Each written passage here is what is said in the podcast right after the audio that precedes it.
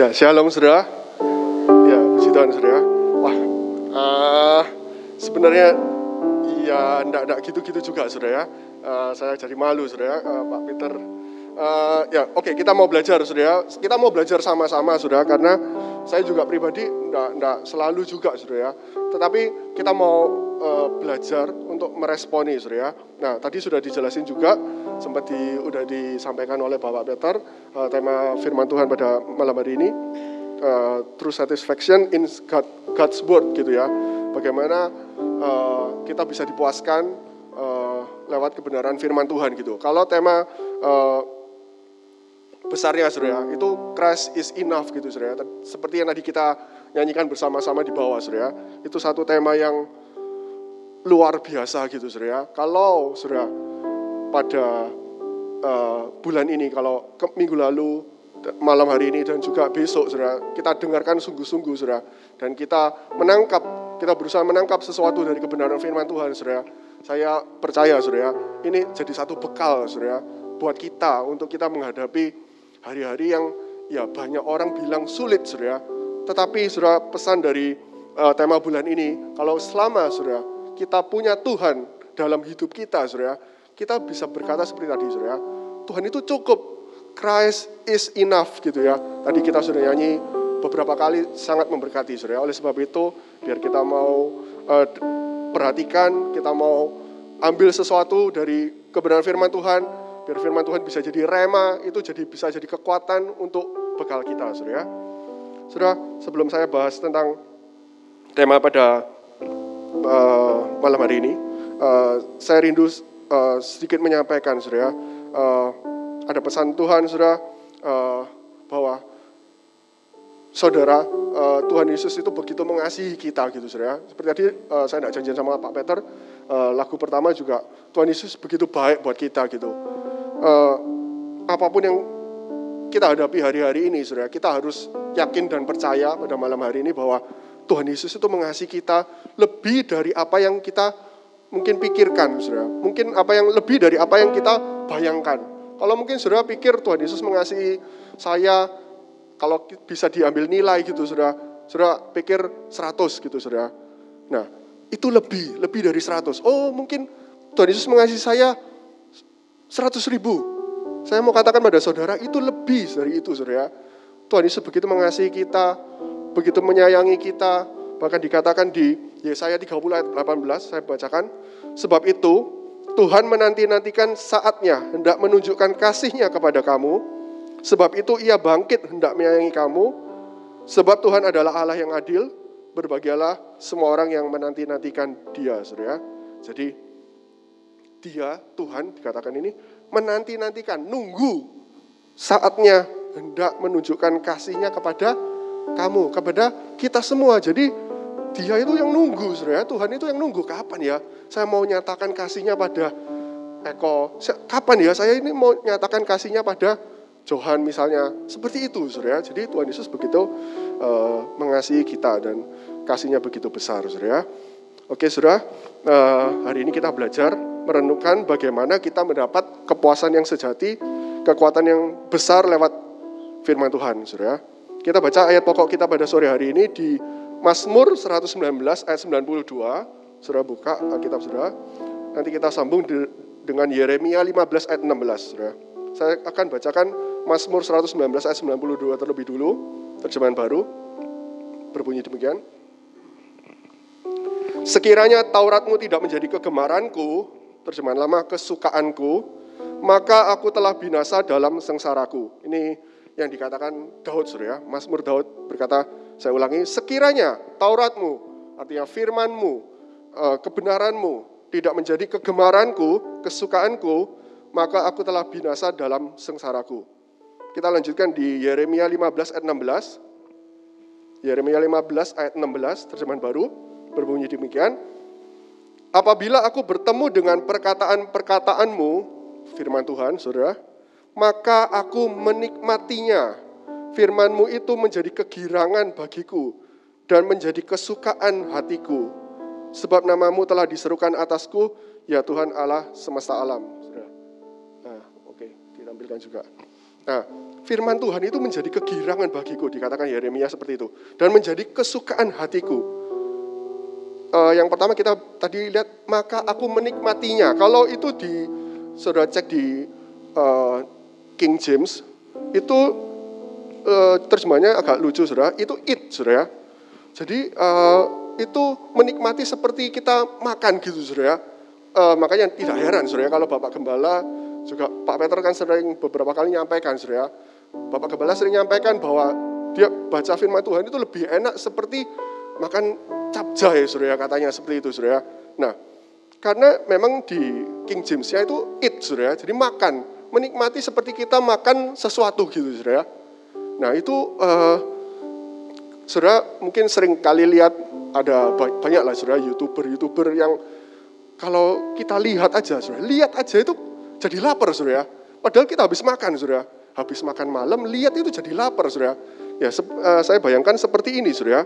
Jadi begitu menikmati, uh, kalau terjemahan baru kan aku menikmatinya.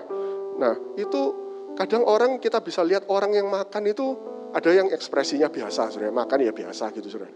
Ada yang, wah makan itu orang lihat aja kok, wah, enak ya. Padahal belum seenak, belum tentu seenak itu, saudara. Saya pernah nyoba, gara-gara lihat uh, youtuber, uh, Pak Peter juga pernah saksi, kalau dia nyoba enak, saudara. Saya nyoba, ya menurut saya biasa, saudara. Tapi karena kita lihatnya itu begitu dia, waduh ekspresinya itu, wah jadi ikut lapar gitu, saudara. Nah seperti ini, saudara, bayangannya, saudara. Terjemahan lama mengatakan demikian. Maka sudah ku kecap nikmatnya, saudara. Ku kecap nikmatnya. Jadi, nah kita mau renungkan dua ayat ini, saudara. Kita nanti kita akan bahas dari dua ayat ini saja, saudara. Dikatakan tadi kalau saya boleh ambil kesimpulan dari dua ayat ini, saudara, itu firman itu bisa jadi sumber kegirangan, saudara. Sumber sukacita. Uh, bahasa Inggris joy itu ada di uh, King James-nya. Menjadi kesukaan hati. Nikmat seperti makanan. Seperti itu, saudara. Kalau kesimpulannya kurang lebih seperti itu, saudara. Kita lihat satu persatu, saudara. Yang pertama kita lihat firman Tuhan itu bisa menjadi suatu kesukaan, saudara suatu kesukaan. Tadi kita lihat uh, Mazmur, kita tahu sama-sama saudara, uh, yang nulis adalah Daud, saudara, Raja Daud, saudara. Kita lihat saudara, bagaimana Raja Daud itu wah, uh, benar-benar suka akan kebenaran firman Tuhan, saudara. Itu jadi satu kesukaannya, saudara. Buktinya apa, saudara? Sering, uh, kalau saudara sekarang kan gampang, saudara. Alkitab uh, saudara elektronik semua, saudara klik search aja, merenungkan, uh, merenungkan gitu aja saudara. Itu yang keluar Mazmur itu banyak sekali saudara. Merenungkan Tauratmu siang dan malam, merenungkan perintah-perintahmu, itu banyak sekali saudara. Artinya apa? Kita bisa ambil kesimpulan bahwa Raja Daud ini seorang yang kesukaannya adalah firman Tuhan saudara. Makanya dia merenungkan saudara. Mungkin sambil kita bayangannya sudah kita mungkin sambil menggembalakan domba, dia mikir, merenungkan firman Tuhan, uh, tentang apa sudah tentang Tuhan adalah gembalaku, takkan kekurangan aku dan seterusnya sudah Kita bisa lihat banyak sekali sudah Itu artinya suka sudah Jadi kesenangan, jadi kegirangan hatinya dikatakan seperti itu. Contoh sudah contoh lain.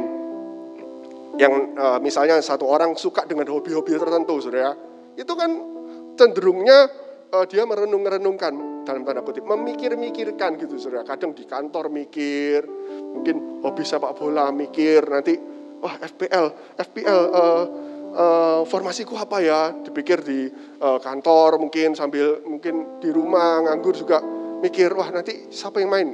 Misalnya seperti itu contohnya. Atau hobi yang lain, saudara, hobi sepeda mikir, wah nanti uh, tak ganti apa lagi ya? Uh, aksesorisnya apa ya, itu direnungkan dalam tanda kutip seperti itu, saudara. Itu karena karena uh, suka, saudara. Itu jadi satu jadi kesukaan gitu, saudara. Jadi satu kesenangannya dia, makanya direnungkan. Sama seperti Daud ini, saudara. Karena firman Tuhan itu jadi kesukaannya, nah itu direnung-renungkan, saudara. Seperti uh, kita pada malam hari ini kita belajar, saudara yang pertama tadi dari ayat Yeremia 15 16 itu firman Tuhan itu jadi kesukaan Saudara. Sambil kita mendengarkan firman Tuhan, mungkin kita bisa cross check dengan hidup kita, saudara. Saya waktu nyiapkan juga harus cross check dengan hidup saya, saudara. Uh, jangan saya cuma bisa nyampaikan, tapi kita saya tidak bisa praktek gitu, saudara. Kan kita harus periksa, saudara. Apakah hidup saya sudah firman Tuhan itu jadi kesukaan, jadi suatu kesukaan, atau uh, Bapak Gembala sering bilang apa? Jadi uh, kita sudah muak dengar firman Tuhan, kita jadi sudah bosan dengar firman Tuhan, kita sudah uh, males kayak enggak enggak penting, enggak bukan satu hal yang ya itu saudara. Tadi saya mau sudah mau ngomong saudara, cuman diduli Pak Peter saudara. Seperti cherry di atas cake saudara. Itu agak lumayan inget terus saudara. Uh, agak puitis Bapak Yeri saudara. Jadi wah itu ingat uh, apakah seperti itu saudara? Itu jadi kerasa nggak penting. Uh, artinya kan seperti itu saudara, nggak penting. Apakah seperti itu? Atau firman Tuhan jadi satu kesukaan dalam hidup kita. Uh, contohnya uh, cara lihatnya gimana? Ya seperti tadi saudara, seperti Daud itu. Apa kita suka sering merenung-renungkan firman Tuhan dalam dalam hidup kita, saudara? Ini uh, penting, saudara, penting, istimewa dalam saat teduh kita, saudara, dalam waktu-waktu pribadi kita dengan Tuhan, saudara. Mungkin uh, ya setiap orang punya waktunya sendiri-sendiri saudara. Mungkin ada saudara yang pagi, ada yang malam. Menurut saya tidak ada masalah. Poinnya adalah menurut saya kita harus punya satu waktu di mana kita punya waktu itu bisa merenungkan firman Tuhan saudara. Kalau misalnya sudah ada waktu uh, bersama keluarga boleh, cuman kadang anak itu cukup jadi cukup mengganggu gitu kalau saya pribadi lebih suka sesuatu satu hal yang tenang gitu saudara, yang tidak terganggu siapa-siapa. Di situ kita bisa mikir gitu loh, kita bisa uh, contohnya saudara, saya sharing contoh aja. Jadi uh, ya uh, setiap pagi saya doa supaya Tuhan memimpin, menuntun langkah saya. Saya doa Tuhan gandeng tangan saya. Saya misalnya hari ini mau ketemu klien ini, kadang saya itu tidak pede saudara. Saya tidak merasa bisa. Tuhan tolong berjalanlah bersama saya, uh, tuntunlah saya seperti itu, saudara. Ketika kita berdoa seperti itu, ya uh, ada ayat yang menguatkan, kita baca satu ayat, nah itu kita bisa uh, bisa renungkan, saudara. Tuhan itu menuntun, memilihkan jalannya, seperti di saya baca satu ayat Mazmur 25 ayat 12 seperti itu. Siapakah orang yang takut akan Tuhan? Kepadanya Tuhan menunjukkan jalan yang harus dipilihnya. Nah, ketika kita baca itu, ini contoh aja, saudara. Ketika kita saya baca itu, wah itu kan jadi satu kekuatan. Ketika saya berdoa, minta Tuhan menuntun saya, memimpin saya, menggandeng tangan saya, uh, Tuhan besertalah dengan saya ketika saya uh, mengerjakan ini, mengerjakan ini gitu. Nah, terus dapat ayat itu, berarti nah, kita itu kita bisa renungkan, kita bisa pikirkan. Wah, kalau Tuhan mau menunjukkan jalan yang harus dipilihnya, artinya apa? Menurut Mazmur 25 12 kita harus takut akan Tuhan. Takut akan Tuhan seperti apa sih kita harus takut akan Tuhan? Nah, itu kita pikirkan, kita renungkan. Kalau kita renungkan, Tuhan itu bisa berbicara gitu, Saudara. Bisa berbicara ayat demi ayat itu Tuhan bisa bisa berbicara seperti itu. Jadi poin yang pertama, Saudara, kita uh, saya ajak Saudara punya waktu untuk merenungkan firman Tuhan. Jadi saat teduh baca Alkitab mungkin ini juga sering disampaikan, jangan asal baca terus untuk memenuhi target uh, Alpet seperti itu saudara supaya lega supaya uh, tidak bolong Alpetnya supaya itu satu tahun bisa itu bagus saudara tapi penting juga jangan cuman asal baca saudara. Saudara sering dengar juga Bapak Sifang bilang kalau kita cuman lewat begitu saja tidak dapat apa-apa saudara. Seringkali kita seperti itu saudara. Terus terang jujur saya juga kadang uh, sering kali seperti itu saudara. Kadang kurang uh, kurang kurang merenungkan dengan uh, mungkin cuman merenungkan satu dua ayat tapi yang lain mungkin uh, kelewatan seperti itu saudara. Uh, makanya kalau kita dengar yang kayak Abraham itu kan satu banyak kebenaran yang indah yang disampaikan saudara. Yang mungkin kita kelewatan seperti itu saudara. Nah uh, kita harus punya satu waktu saudara ambil satu waktu. Kalau misalnya di rumah agak terganggu, ya di mana aja terserah, boleh saudara. uh, mungkin di mobil itu kadang kita bisa baca Alkitab di mobil itu juga bisa wah kalau tenang itu enak saudara. Bisa justru bisa dapat uh, banyak seperti itu saudara ketika kita mau merenungkan saudara itu akan banyak sekali kita dapat mutiara-mutiara yang indah saudara firman itu akan berbicara saudara dan itu yang jadi bisa memuaskan hati kita saudara itu jadi kepuasan jadi kekuatan juga saudara seperti itu, saudara. Mari kita saya ajak kita semua mau praktek, saudara.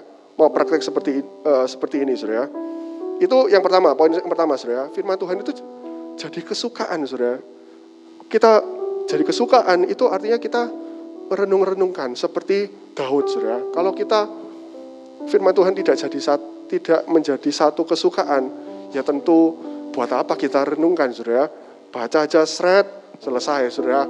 Lega, saudara sehari-hari uh, setelah itu aktivitas ya nggak peduli saudara apa yang katakan firman Tuhan nggak peduli nggak, dipikirkan seperti itu tapi kita mau belajar ambil satu waktu saudara mau ikut alpet apa terserah saudara. Caranya boleh macam-macam.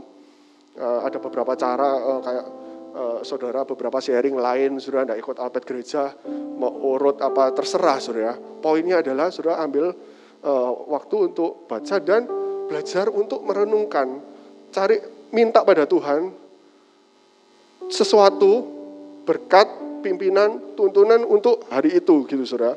Jadi nanti saya percaya Tuhan itu akan berbicara Saudara. Berbicara, firman itu berbicara seperti Bapak kembali menyampaikan uh, minggu pagi atau rebu kemarin Saudara. Firman itu berbicara Saudara, itu pasti. Karena uh, seperti orang tua dan anak. Itu orang tua akan selalu berbicara pada anaknya, saudara.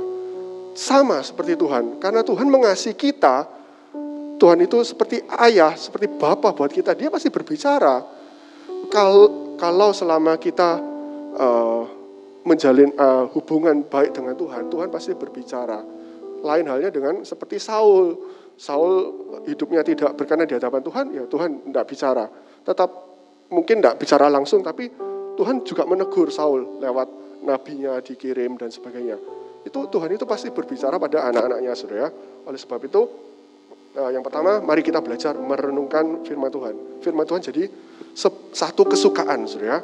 Yang kedua, saudara, dikatakan tadi di Yeremia 15 ayat 16. Oh, sorry. Ya, Yeremia 15 ayat 16.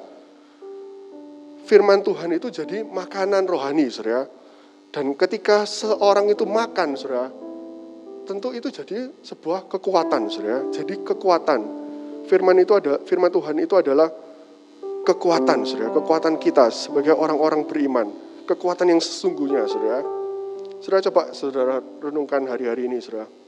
Kalau bukan firman Tuhan yang jadi kekuatan orang beriman, siapa lagi, saudara? Apalagi yang jadi kekuatan kita, saudara? Tidak ada, saudara. Saya pikir apa ya yang bisa jamin hidup saya, apa yang jadi kekuatan dalam hidup saya, kalau bukan firman Tuhan, tidak ada, saudara. Uang, saudara, mungkin banyak orang kekuatannya uangnya gitu, saudara. Uangnya begitu banyak, saudara. Tetapi saya ya lihat beberapa, saudara, saudara uang itu tidak sama sekali lemah, saudara. Tidak bisa jamin apa-apa, tidak punya kekuatan apa-apa, saudara Saudara sakit satu dua minggu aja, itu apa yang saudara tabung enam bulan mungkin sudah habis, saudara. Saudara sakit, tergantung sakitnya. Kalau saudara sakit berat, atau ada beberapa kasus cerita sakit COVID aja, habisnya bisa ratusan juta, saudara. Bisa M, saudara. Sakit berat bisa M. Saudara punya uang banyak itu dengan gampang serut hilang karena cuman karena sakit gitu, saudara. Jadi itu tidak uh, bisa, saudara. Uh, uang tidak bisa jadi kekuatan kita orang beriman, saudara. Tidak bisa menjamin, saudara. Saya lihat beberapa kasus, saudara, itu naiknya gini, saudara. Hancurnya juga gini, cepat sekali, saudara. Apalagi pandemi, saudara. Banyak orang ya uh, uh, bangkrut seperti itu, saudara. Apalagi, saudara, yang jadi kekuatan kita tidak ada, saudara. Uang tidak bisa jamin, kedudukan tidak bisa jamin. Kita lihat kasus itu saudara yang saudara tahu semua kasusnya dia mungkin punya kedudukan tapi tidak bisa jamin juga saudara hubungan dengan orang-orang kuat atau uh, saya punya family kaya, saya punya orang tua kaya, itu juga tidak bisa jamin, saudara. Tidak ada artinya, saudara. Saya punya satu klien, saudara, kaya, saudara. Saya pernah saksikan di doa Jumat, kena COVID, saudara, langsung helikopter pribadi, saudara, langsung terbang ke Jakarta, saudara. Tahu tidak Isa, saudara? Meninggal, saudara. Padahal kaya dan masih muda, saudara. Mobilnya banyak, tidak menjamin, saudara. Tetapi, saya mau katakan pada saudara, firman Tuhan, saudara, ini kekuatan buat kita, saudara. Kalau saudara lagi merasa lemah, uh, lagi dalam banyak masalah, atau apa pun lah, saudara, ini yang jadi kekuatan kita semua, saudara. Uh, nanti kita lihat sama-sama, saudara. Ini yang jadi kekuatan, saudara.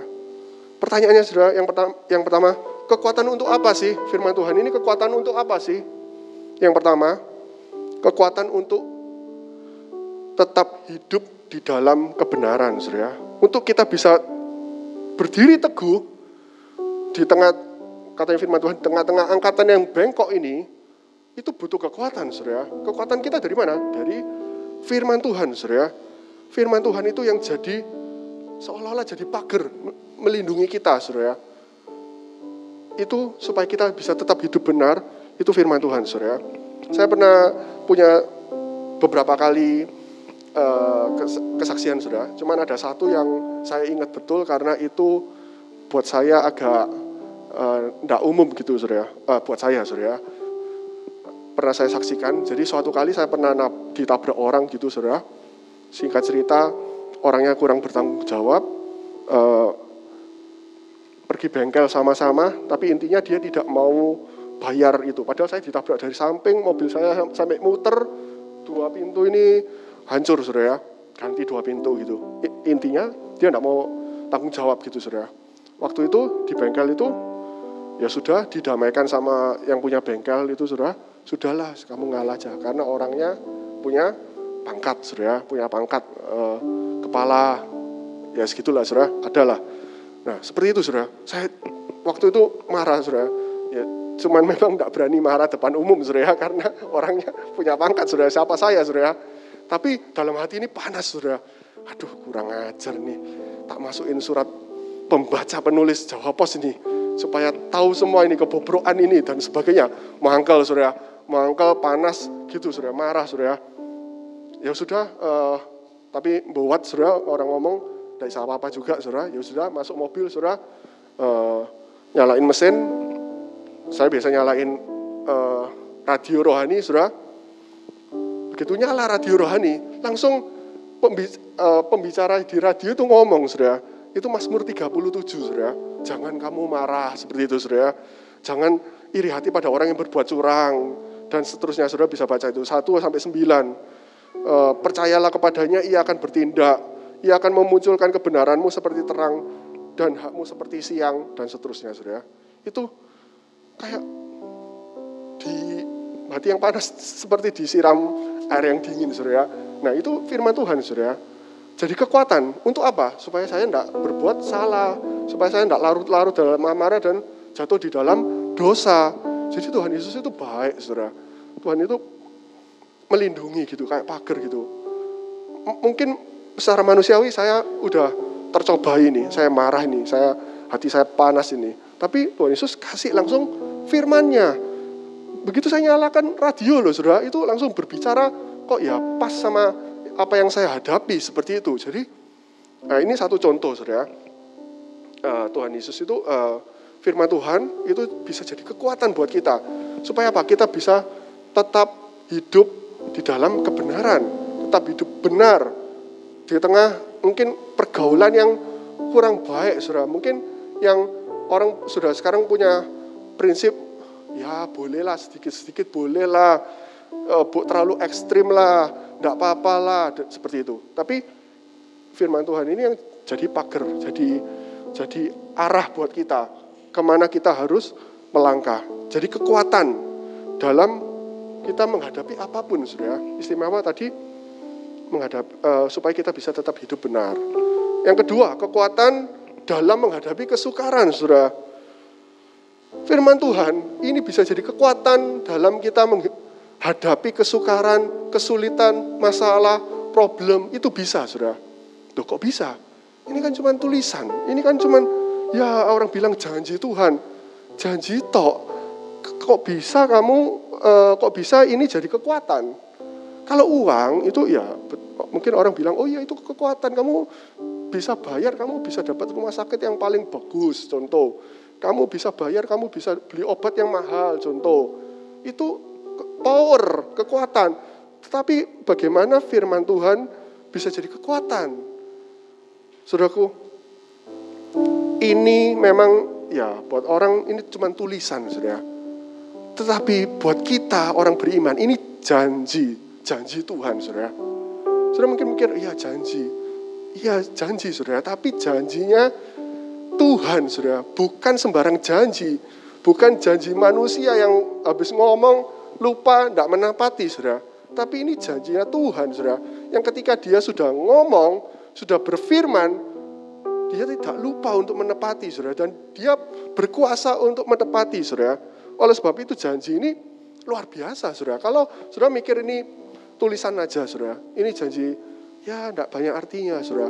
Ya kita tidak dapat apa-apa, saudara. Tapi kalau saudara pegang ini janjinya Tuhan, saudara pegang itu, saudara, janji itu bisa berubah jadi mujizat, saudara.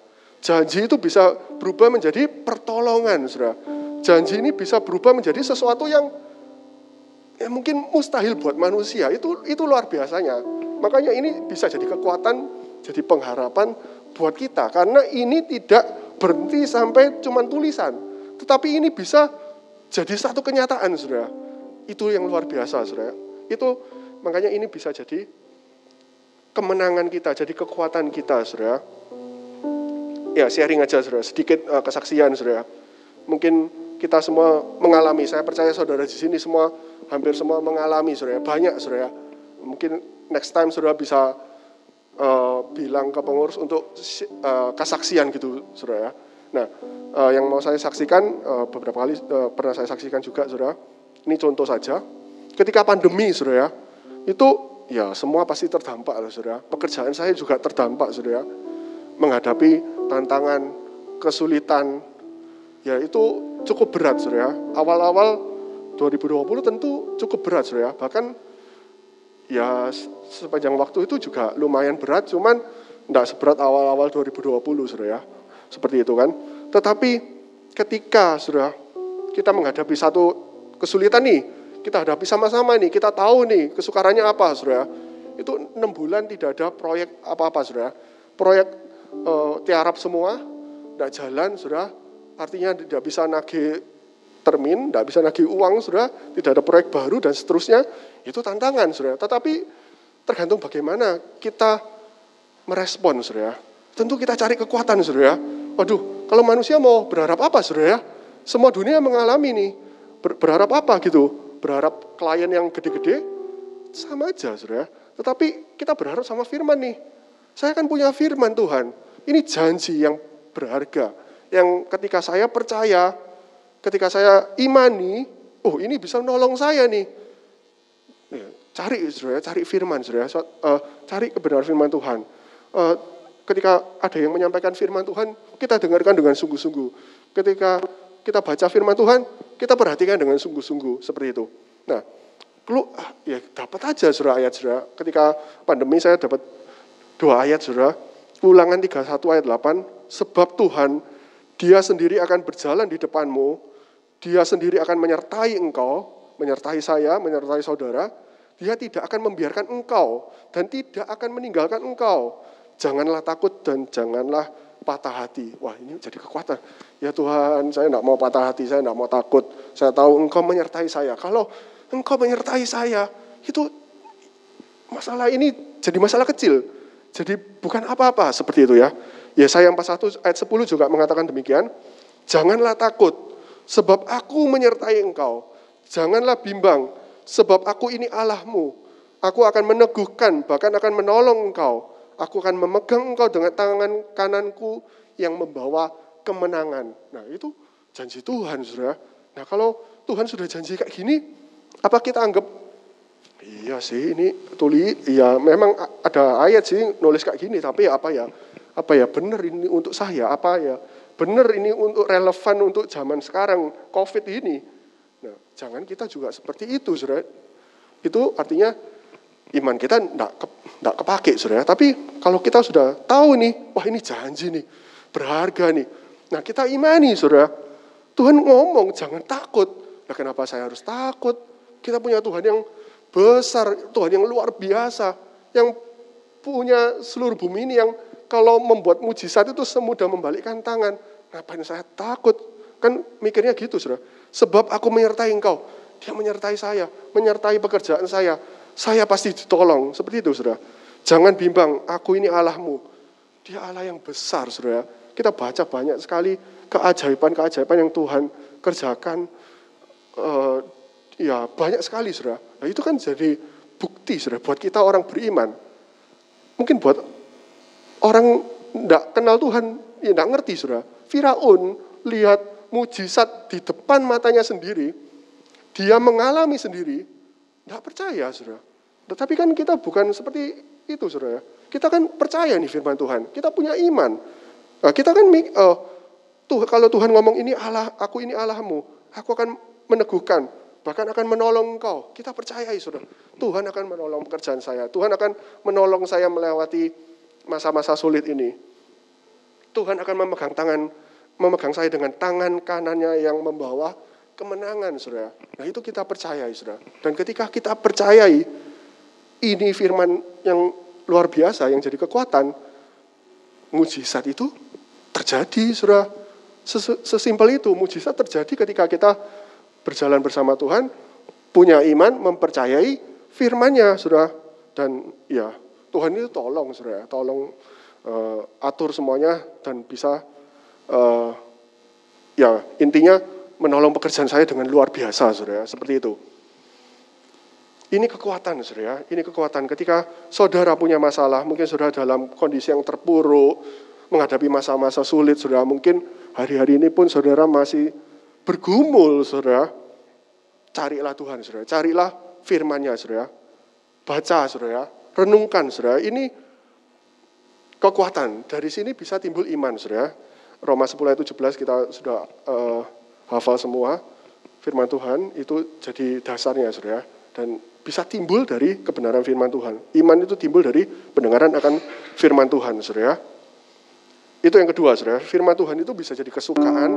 Uh, kalau kita jadi kesukaan kita, kita akan renungkan. Dan firman Tuhan itu menjadi kekuatan, saudara. Menjadi kekuatan kita sebagai orang beriman, saudara. Saudara, poin selanjutnya, saudara, saya mau sedikit membahas tentang memegang dan melakukan firman Tuhan, saudara. Ketika seseorang memegang dan melakukan firman Tuhan, artinya eh, itu firman itu akan tertanam, saudara, masuk dalam hati kita. Dan ketika firman itu tertanam masuk dalam hati kita, Artinya itu Tuhan sendiri yang tinggal di dalam hati kita, saudara. Dan ketika Tuhan sendiri tinggal di dalam hati kita, itu kita bisa ngomong tadi itu. Kita cukup, saudara. Itu kepuasan yang sesungguhnya. Saya ulangi, ketika kita, kan kita tadi belajar baca nih, saudara. Merenungkan, saudara. Memegang itu firman. Dan melakukan. Dan ketika kita memegang dan melakukan firman Tuhan, dikatakan, nanti kita baca ayatnya, itu seperti itu mengundang Tuhan Yesus masuk dalam hidup kita, saudara.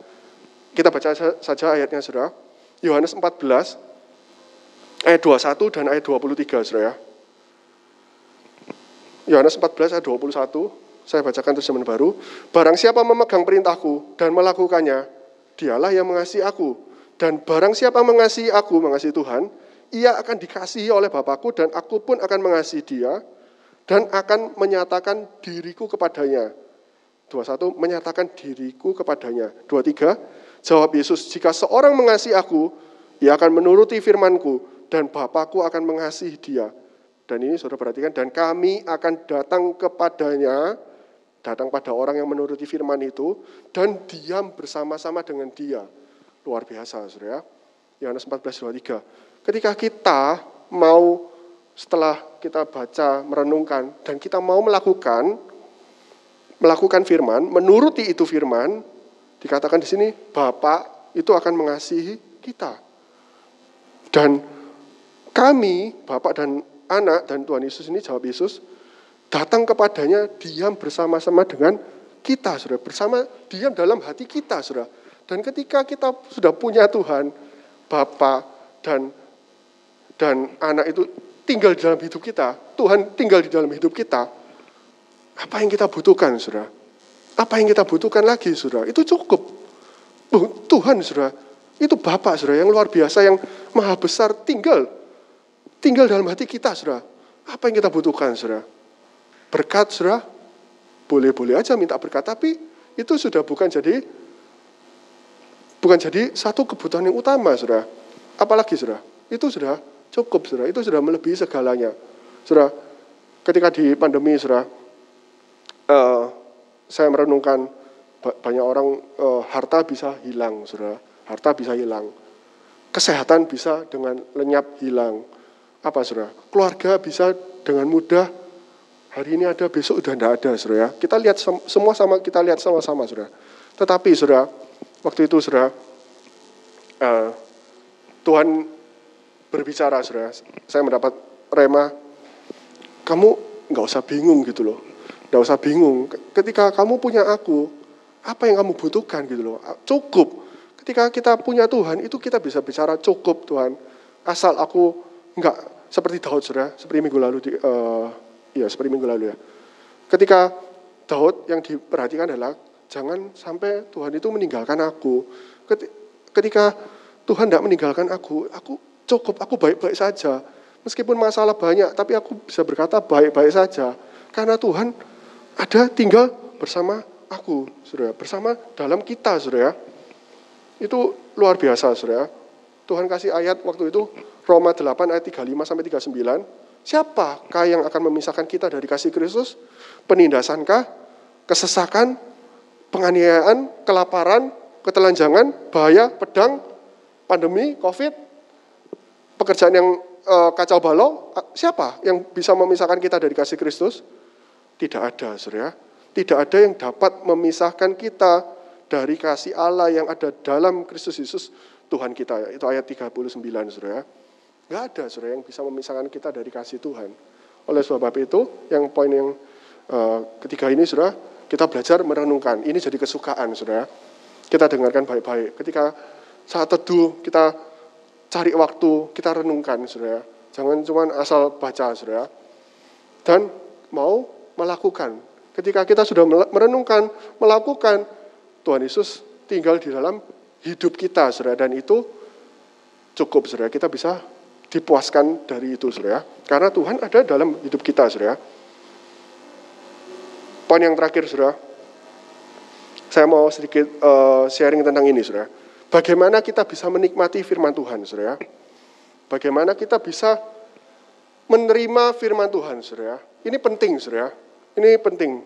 Karena buat saya, saudara, uh, firman Tuhan ini kan disampaikan, saudara. Hari ini firman Tuhan disampaikan. Besok pagi Bapak Gembala menyampaikan dua jam, saudara. Minggu sore siapa lagi menyampaikan satu jam. Saudara, kita seminggu bisa dapat belum lagi waktu kita baca firman Tuhan, saudara. Di rumah, kita dengar di radio misalnya, kita dengar hari Rebu dua jam, dua jam lebih ya, saudara. Nah, seperti itu, saudara. Kita dengar berjam-jam, saudara, firman. Tetapi pertanyaannya, dari misalnya dari 8 jam itu saudara, seminggu atau ya e, berapa jam lah saudara, seminggu saudara baca firman, e, terima firman itu berapa jam, itu seberapa banyak itu yang masuk dalam hidup kita.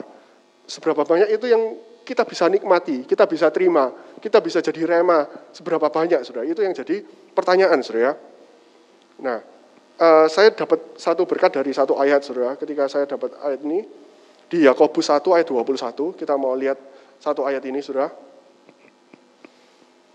Tujuannya supaya kita bisa menikmati firman Tuhan, dan firman Tuhan itu bisa masuk, tertanam dalam hati kita, dan itu jadi kekuatan, saudara. Yakobus 1 ayat 21, saya bacakan terjemahan baru. Sebab itu, Buanglah segala sesuatu yang kotor dan kejahatan yang begitu banyak itu. Saudara perhatikan ini. Dan terimalah dengan lemah lembut firman yang tertanam di dalam hatimu yang berkuasa menyelamatkan jiwamu, saudara. Ada dua yang harus kita kerjakan ketika firman itu disampaikan, uh, atau ketika kita membaca firman, atau ketika mungkin ada saudara seiman menasihati kita dengan firman Tuhan. Nah, uh, yang saya pelajari saudara dari Yakobus 1:21 dan kita belajar sama-sama. Yang pertama, buanglah segala sesuatu yang kotor, saudara. Saudaraku, menerima firman Tuhan itu berkaitan dengan erat dengan kondisi hati kita, saudara. Oleh sebab itu firman Tuhan juga mengatakan di Amsal 4:23, jagalah hatimu dengan segala kewaspadaan. Kewaspadaan. Terjemahan lama, terlebih dari apa yang patut dipelihara. Artinya apa? Kita semua di tempat ini memperhatikan, harus memperhatikan kondisi keadaan hati kita masing-masing. Semua, tanpa terkecuali, saya juga, saudara. Kita periksa hati kita, isinya apa sih? Di Yakobus 1, kalau ada kotor, ada kejahatan, ya harus dibuang dulu, saudara. Buanglah segala sesuatu yang kotor, kejahatan dari hati kita. Ini serius, saudara. Kita harus memperhatikan uh, kondisi hati kita, saudara. Contohnya seperti ini, saudara. Gampangannya, saudara. Saudara, kalau saudara ada kebencian, ada keras hati, tentu saudara akan sulit untuk terima firman Tuhan, saudara. Mau depan ini muntuk ngomongin, saudara dua jam, dua jam setengah. Selama saudara ada keras hati, atau mungkin saudara ada sentimen dengan pembicara yang di depan ini, saudara, saudara tidak akan terima, saudara. Saya mau ngomong sampai jam 9 pun, saudara, alah kowe kok ngomong tok lah, gini-gini, nilep duitku, misalnya, saudara. Saudara tidak akan, anu, saudara ada uh, sakit hati, saudara ada kebencian, saudara ada iri sama siapa pun, sama istimewa sama yang uh, menyampaikan firman Tuhan contoh ini contoh Saudara, itu Saudara akan sulit terima firman Tuhan. Saudara akan sulit mendapat kebenaran, mendapat rema dari firman Tuhan yang disampaikan, Saudara. Seperti itu, Saudara. Ini uh, kalau Saudara ikut kemah suci, mungkin ada beberapa yang ikut. Di dalam kemah suci itu ada namanya meja roti persembahan, Saudara. Nah, itu terbuat mejanya terbuat dari emas, Saudara. Itu artinya adalah menggambarkan hati yang bersih, hati yang suci itu bagus saudara kalau saudara belum ikut uh, ikutlah saudara itu bagus sekali uh, uh, kemah suci itu saudara kalau itu mejanya itu terbuat dari emas di atasnya itu ada roti persembahan saudara nah kalau itu artinya kalau kita hati kita bersih hati kita itu bisa ditanami oleh firman saudara bisa menikmati firman, bisa menyimpannya, bisa menyimpan firman Tuhan itu dalam hati, saudara. Tetapi kalau hatinya kotor, dikatakan ada muntahan, ada kotoran di saya itu, saudara. Itu tentu roti itu tidak akan ditaruh di meja tersebut, saudara. Artinya ketika hati kita itu, ya itu saudara, ada dosa, penuh dengan keterikatan akan hal-hal yang Tuhan tidak berkenan, ya Tuhan firman itu tidak bisa masuk, saudara. Firman itu tidak bisa tertanam dalam hati, saudara. Dan itu ya arti jadi sia-sia, saudara. Saudara mau dengar 8 jam, saudara mau Bapak Gembala untuk ngomong dua jam setengah, tidak dapat apa-apa, saudara. Rugi, saudara. Seperti itu, saudara. Nah, buat apa, saudara? Uh, prinsip saya buat apa? Saya kalau tidak dapat sesuatu, saudara, ya mendingan tidur di rumah, saudara. Daripada pagi-pagi datang, saudara. Kan seperti itu. Tetapi juga jangan dibalik, saudara. Kalau gitu saya di, di rumah saja nggak usah datang gitu kan. Jangan juga seperti itu. Kita perlu, saudara. Seperti tadi kita lihat poin sebelumnya, kita perlu ini firman. Oleh sebab itu, ya saya mau datang. Ketika datang, kita berharap sesuatu. Itu yang bisa kita bawa pulang. Itu yang bisa jadi kekuatan dalam hidup kita, saudara. Itu yang pertama, saudara. Buanglah segala sesuatu yang kotor. Yang kedua, menerima firman Tuhan dengan hati yang lemah lembut, saudara. Setelah membuang yang kotor dari hati kita, kita belajar menerima firman Tuhan itu dengan lemah lembut. Artinya apa, saudara? Kita harus membuka pintu hati kita, saudara. Siap untuk menerima nasihat firman Tuhan, saudara. Seperti yang tadi saya katakan, saudara. Firman Tuhan bisa bicara, pembicara bisa ngomong berapa jam, saudara. Terserah, saudara. Tetapi selama saudara tidak membuka pintu hati saudara dan membiarkan firman Tuhan itu masuk, sia-sia, saudara. Firman Tuhan ini tidak akan mengerjakan apa-apa dalam kehidupan kita, saudara. Tetapi, saudara, ketika kita buka pintu hati kita, saudara, menerima firman Tuhan dengan hati yang lemah lembut, dikatakan tadi di Yakobus, nah, di saat itulah tuh firman itu bisa mengerjakan sesuatu dalam hidup kita, saudara. Mungkin, saudara, apa yang disampaikan tidak sesuai sama konsep kita. Mungkin, wah saya tidak setuju sama om ini. Uh, mestinya tidak kayak gini, tidak kayak gini. Ya, uh, kalau sudah ada mungkin ada pembukaan yang lain sudah tentang akhir zaman atau apa, boleh-boleh aja sampaikan sudah sharing katanya om gitu. Tetapi kita belajar dengan lemah lembut sudah, tidak dengan satu kesombongan, wah saya sudah tahu nanti arahnya ke sini, saya sudah tahu nomor gini ayatnya apa. Nah, itu yang membuat firman itu tidak bisa masuk dan tertanam, sudah. Tetapi kita mau belajar dengan lemah lembut. Ah, saya hari ini datang, saya mau dapat berkat firman Tuhan, supaya firman Tuhan bisa jadi kekuatan, saudara. Dikatakan di Wahyu 3 ayat 20, saudara, prinsipnya seperti Tuhan Yesus itu kan mengetok, saudara. Lihat, aku berdiri di muka pintu dan mengetok. Jika ada orang yang mendengarkan suaraku dan membukakan pintu, aku akan masuk mendapatkannya, aku akan makan bersama-sama dengan dia, dan ia bersama-sama dengan aku. Wahyu 3 ayat 20. Jadi prinsipnya Tuhan Yesus itu mengetok. Firman Tuhan itu mengetok. Mengetok siapa? Pintu hati kita. Apa kita boleh masuk? Apa kita membukakan pintu hati kita dan membiarkan firman itu masuk? Atau kita menutup hati kita? Tidak membiarkan firman itu masuk? Tidak, bisa maksa, saudara. Firman itu tidak akan mendobrak pintu hati kita memaksa masuk. Gitu enggak, saudara. Contoh, saudara. Eh, nah, contoh ini, saudara Sakeus, ya. Satu contoh mungkin kita bisa lihat dari cerita Sakeus, ya. Dikatakan ketika itu Tuhan Yesus kan mau masuk ke kota Yeriko lewat di situ. Di situ ada Sakeus, ya.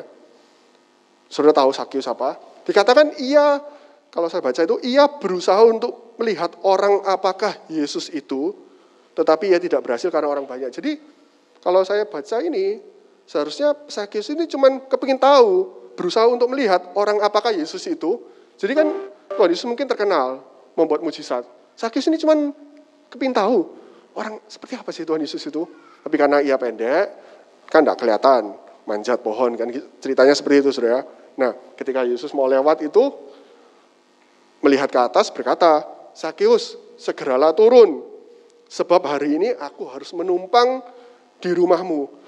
Dikatakan seperti ini sudah perhatikan. Lalu Sakyus segera turun dan menerima Yesus dengan sukacita, saudara. Itu poinnya, saudara. Sakis itu segera turun menerima Yesus dengan sukacita. Dan selanjutnya saudara tahu, satu, ya bisa dikatakan satu revival terjadi di rumah itu, saudara. Sakis bertobat mengembalikan apa yang sudah dia ambil dan seterusnya, saudara. Poinnya apa, saudara? Kalau, saudara, saudara berandai-andai, kalau pada saat itu, Sakius, turunlah, aku tidak menumpang ke rumah aduh Tuhan, uh, bu hari ini ya, aku agak repot gitu ya, saudara. Uh, aku cuma kepingin tahu kok uh, Tuhan itu uh, Tuhan Yesus itu seperti apa, putra manusia Yesus seperti apa. Aku cuma kepingin tahu tok kok. Uh, bu, bu numpang ya, uh, ngerepoti aja, misalnya seperti itu, saudara. Tuhan Yesus akan apa maksa, saudara? Ditarik dari itu, ayolah, aku mau ke rumahmu kok, aku mau makan-makan. Kan ya enggak gitu juga, saudara ya. Jadi Tuhan Yesus itu Tergantung respon Sakius. Sakius ketika Sakius turunlah, aku harus menumpang di rumahmu. Memang kesannya agak maksa, sudah. Sebab hari ini aku harus menumpang di rumahmu. Tetapi respon Sakius, sudah itu yang luar biasa. Dia segera turun, menerima Yesus dengan sukacita, sudah. Sudah menerima Yesus dengan sukacita, sudah. Demikian juga dalam hidup kita. Ketika firman Tuhan itu mengetok pintu hati kita, Biar kita itu mau jadi seperti Sakius, saudara. Membuka pintu hati kita dengan sukacita, menerima firman itu dengan lemah lembut, saudara. Saudara, oh, ini penting, saudara, untuk kita perhatikan, saudara. Saudara, saudara kalau tidak membuka pintu hati saudara, menerima firman, mau siapa pun, saudara, yang firman, saudara, mau, ya jangan pikir saya lah, saudara, Saudara, anggaplah yang hebat-hebat saudara. Mau Reinhard Bonke, saudara datang ke tempat ini, ngomong dua jam, mau Bapak Gembala tempat ini ngomong tiga jam, siapa pun saudara, uh, yang kaliber internasional coba lah saudara, mau dicoba. Saudara main no handphone gitu saudara, buka Instagram, nggak usah buka hati. Saya percaya nggak akan terjadi apa-apa saudara. Mau siapa eh, yang datang ke, di tempat kita yang ah, pastoran di Simon saudara, mau saudara ditumpangi tangan kayak apa, saudara nggak usah buka hati dah. Opo sih iki lebay amat diginiin. Gak akan terjadi mujizat, saudara. Prinsipnya kan kayak gitu, saudara. Jadi mau pembicara siapa pun, bahkan saudara, di Alkitab ditulis kali bertuhan Yesus, putra manusia Yesus, itu ngomong, orang Nazaret tidak buka hati, tidak terjadi apa-apa, saudara. Kan seperti itu, saudara. Itu di Markus 6 ayat 1 sampai 6. Uh, dikatakan ya, saudara tahu lah ceritanya, saudara. Ya mereka tidak percaya. Ini kan, loh, ini kan uh, tukang kayu, anaknya Maria. Saudaranya ini, ini, ini, Yakobus, Yoses, Yudas Simon. Lalu mereka kecewa dan menolak dia. Dan Tuhan Yesus dikatakan ia tidak dapat mengadakan satu mujizat pun di sana, saudara. Jadi penting, saudara, untuk kita itu buka hati akan kebenaran firman Tuhan. Selama saudara tidak buka hati, ya kasarannya percuma, saudara. Kasarannya bojai, saudara Mau siapa pun yang ngomong, saudara. Mau siapa pun lah, saudara. Bahkan Tuhan Yesus datang ke sini. Saudara buka Instagram, main Mobile Legend. Gak akan terjadi apa-apa gitu, saudara. Ya kan uh, ini yang kejadian di Markus 6 ayat 1 sampai 6. Oleh sebab itu penting, saudara. Kita punya banyak sekali kesempatan. Minggu itu kita bisa uh, punya banyak kesempatan, saudara. Minggu pagi, minggu sore, rebu. Oke okay lah kalau saudara tidak datang semua tidak apa-apa saudara. Cuma ketika saudara datang, saudara dengar itu firman, dua langkah ini penting saudara. Buang segala sesuatu yang kotor, kejahatan dalam hati kita. Buatlah hati kita itu siap menerima firman dan dengan lemah lembut menerima firman itu saudara. Dengan lemah lembut menerima firman Tuhan dengan hati yang lemah lembut saudara. Garis bawahi hati yang lemah lembut saudara. Sudah uh, sering kali sudah uh, poin yang terakhir sudah sering kali kita mudah menyalahkan orang lain sudah uh, ya. Seringkali kita mudah untuk menyalahkan orang lain sudah wah ya. Wah pembicaranya nggak keren nggak lucu atau nggak apa sudah ya jangan kita terjebak di hal seperti itu sudah tapi mari sudah saya ajak malam hari ini kita mau dengan rendah hati sudah kita kita sendiri yang periksalah. Kalau pembicara biar jadi urusannya yang berwenang, saudara. Mereka yang memilih pembicara, mereka yang briefing, misalnya di kaum muda ada yang briefing, sudah eh, di umum saya tidak tahu, itu biar jadi bagian bagian mereka. Tapi kita yang pendengar, kita yang jadi pendengar firman Tuhan, mari kita mau belajar, saudara. Kita mau belajar buka hati dengan rendah hati. Kalau ada yang kotor, ada yang tidak berkenan di hadapan Tuhan ya kita buang. Setelah itu kita belajar untuk menerima kebenaran firman Tuhan saudara, dengan rendah hati saudara. Saya belajar saudara, mestinya saya juga masih belajar. Paling enggak saya kalau datang ke baktian saudara, kalau di Kamuda atau di umum, um, misalnya saya agak terlambat, itu ya saya biasakan saya berdoa saudara. Saya berdoa, Tuhan uh, saya mau ikut kebaktian, saya mau terima berkat firman-Mu, Mari Tuhan, biar Engkau sendiri yang berbicara. Uh, kalau saya ada salah, Engkau yang koreksi, nasi, kasih nasihat, supaya firmanmu itu bisa jadi kekuatan, saudara. Uh, simpel seperti itu. Dan ketika kita buka hati, kita berusaha, saudara, meskipun masih ada kelemahan, itu firman itu bisa masuk dan bisa jadi kekuatan dalam hidup kita, saudara. Dan ketika firman itu masuk, itu roh kudus bekerja, saudara. Itu roh kudus bisa bekerja. Mengubahkan apa? sifat saudara, yang jelek saudara. Itu namanya roh kudus bekerja saudara. Terakhir saudara, mungkin banyak orang agak mispersepsi saudara. Wah roh kudus bekerja itu seperti apa sih? Roh kudus bekerja itu kalau dalam kebaktian itu ya wah kerasa merinding gitu saudara. Mungkin bisa nangis, bisa apa. Ya itu boleh-boleh saja saudara, itu boleh-boleh aja. Roh kudus bisa bekerja dengan cara itu. Tetapi kita jangan punya konsep itu Roh Kudus bekerja itu hanya seperti itu, saudara. Tidak, saudara. Tidak. Roh Kudus bisa bekerja buat saya, saudara. Yang penting, manifestasi hasil yang bisa dilihat ketika Roh Kudus bekerja itu apa sih, Saudara? Hidup kita berubah, Saudara. Saya lihat orang terikat itu dilepaskan. Itu Roh Kudus bekerja. Mungkin orang banyak tidak tahu. Saya lihat ya kesaksian pribadi, saya lihat papa saya di tempat ini dulu nggak percaya Tuhan, saudara, hidupnya begitu jelek. Ketika ke, ke tempat ini, saudara, hidupnya berubah, saudara. Kita bisa lihat sebagai anaknya hidupnya berubah. Itu pekerjaan Roh Kudus, saudara. Kita dengar Koyeri kemarin uh, minggu lalu saksi yang dulu kesukaannya apa, saudara? Saudara tahu gadget, saya tahu otomotif sukanya, saudara. Bisa ngomong, itu semua tidak ada artinya. Itu Roh Kudus bekerja, saudara. Benar nggak, saudara? Jadi nggak melulu, saudara merasa seperti apa, ya itu bisa seperti itu. Tapi tidak hanya itu, jangan kita sempit juga, saudara. Saudara lihat Bapak Gembala, saudara, dengan umur sekian, menyampaikan firman Tuhan, apa yang dicari sih, saudara? Duit. Saudara pernah dipaksa kasih persembahan?